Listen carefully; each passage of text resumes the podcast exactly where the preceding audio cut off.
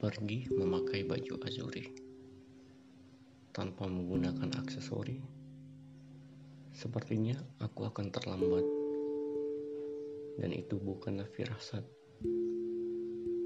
Walaupun aku telah berlari, bahkan lebih cepat dari Ferrari,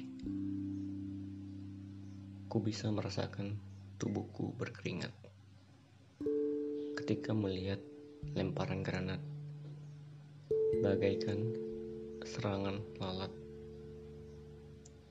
Yang ada padaku hanyalah nekat. Aku tak ingin melihat mayat.